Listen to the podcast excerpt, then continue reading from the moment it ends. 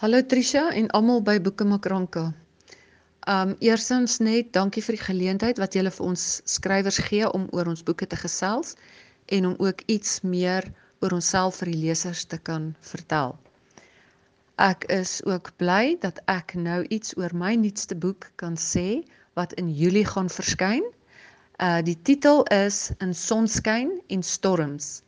Dis 'n ou Kaapse verhaal Ehm um, ek hou daarvan om oor daardie romantiese tydperk te skryf.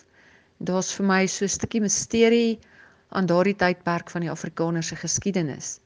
En die storie speel weer af op 'n wynplaas, net soos in Liefde op Petit Paris, waar die hoofkarakters Esperance en Sebastian mekaar ontmoet, mekaar uitsorteer en mekaar vind. So 'n regte liefdesverhaal. Nou ongelukkig as gevolg van die inperking gaan dit net as 'n e-boek uitgegee kan word.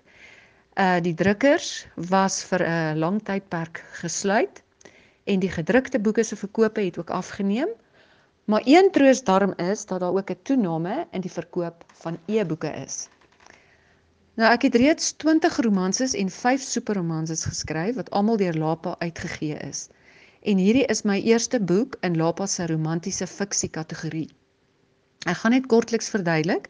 Die verskil is romanses het bepaalde spesifikasies waaraan voldoen moet word, soos dat die held en die heldin se verhouding moet ontwikkel deur die verhaal, deur die verloop van die verhaal en die verhaal moet ook met 'n gelukkige einde afsluit.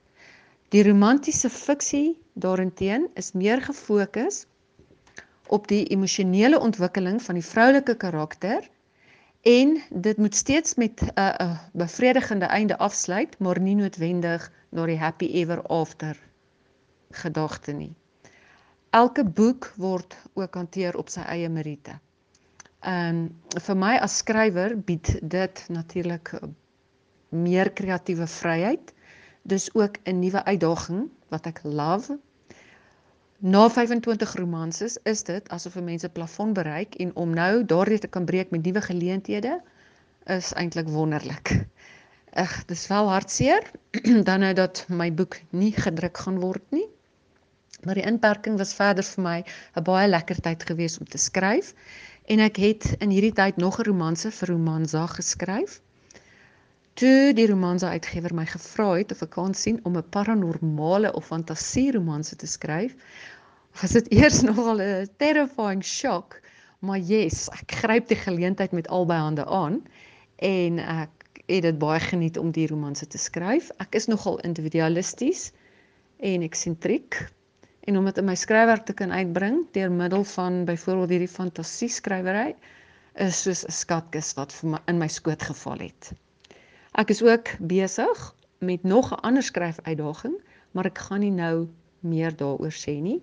Intussen wil ek net sê dankie aan al my lesers vir julle ondersteuning en geniet in sonskyn en storms. Dankie. Thank you.